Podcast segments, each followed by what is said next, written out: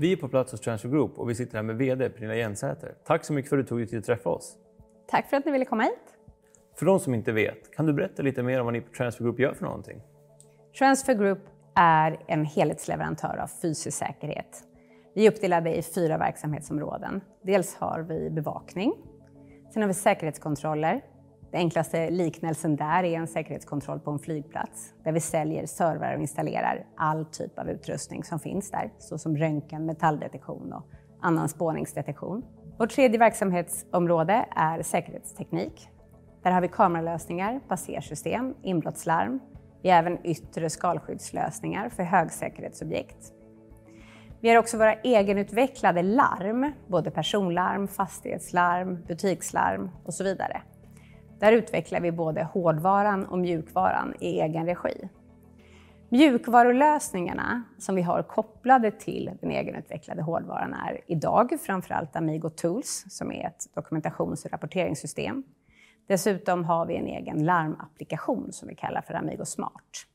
I mjukvarubenet så handlar det om att vi vill ta in och utveckla mjukvara som ska vara kompatibel med befintlig hårdvara för att stärka vårt sluterbjudande till kund. Ni går in i 2023 med rekordstor orderbok. Vilka skulle du säga är de drivande faktorerna bakom det? Vi har gjort en ganska stark tillväxtresa under 2022 där vi har utökat vår avtalsstock otroligt mycket, framför allt inom bevakningsbenet. Dessutom har vi inom säkerhetskontroll, eller eh, Sensec-delarna kan man säga, där har många av våra kunder bromsat sina investeringar lite grann under hela pandemin. Och nu ser vi att marknaden öppnar upp. Man kan inte hålla tillbaka säkerhetsutrustningsinvesteringar hur länge som helst. Så att det är lite en kombination av en postpandemi kan man säga och en ökad efterfrågan på eh, säkerhet generellt. Eh, mycket till grund av det osäkra världsläget som, som vi befinner oss i. Ni meddelade i slutet av Q4 ett avtal gällande avyttring av styrsystemet Brains eh, med, som ni tecknade med Tratec Solution AS. Vad är anledningen till den här avyttringen? Det vi landade i efter att ha ägt Sensex Solutions under ungefär ett år, det är att Brains snarare tenderar att vara ett logistiksystem mer än att eh, vara en säkerhetslösning. Eh, systemet i sig är bra, men kräver ytterligare stora investeringar för att bli så konkurrenskraftigt som det behöver vara. Eh, vi har ett starkt fokus på att vända mot en lönsam verksamhet under 2023 och även framåt och bedömer väl att den eh, investeringen passar bättre på en annan del av vår verksamhet. Vi behöver ett starkare kassaflöde och då behöver vi göra investeringar som stärker vår helhetsportfölj. Om vi blickar ut mot marknaden lite grann, hur ser konkurrenssituationen ut i dagsläget? Det är ganska stor konkurrens inom säkerhetsbranschen. Vi har duktiga konkurrenter som, som vi slåss mot dagligen inom alla våra verksamhetsområden. Eh, det som skiljer oss är egentligen vårt helhetserbjudanden.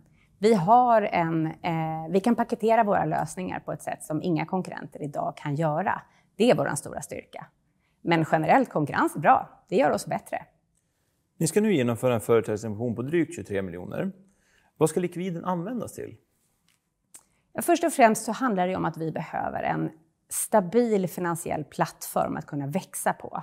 Så till viss del handlar det om att lösa några av våra befintliga lån för att få ner finans de finansiella kostnaderna. Men sen står vi också inför en stark organisk tillväxtresa. Vi har eh, tidigare kommunicerat att vi ska växa ungefär 20 procent organiskt per år och tillväxt binder kapital. Vi har ju dessutom, som jag nämnde tidigare, en av våra produkter som vi både utvecklar och producerar i egen regi. Eh, där ser vi en större efterfrågan och för att kunna leverera större volymer så kräver det också en annan typ av eh, produktionstakt och lagerhållningstakt.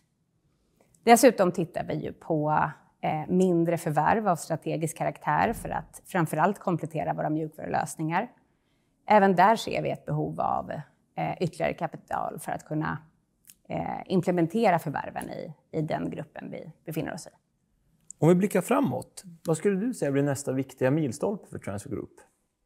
Ja, för det första så ska vi vända till lönsamhet. Det har vi varit väldigt tydliga med. Vi har tagit ganska stora kostnader under 2022 för att skapa en organisation som har förutsättningar till en mer effektiv verksamhet.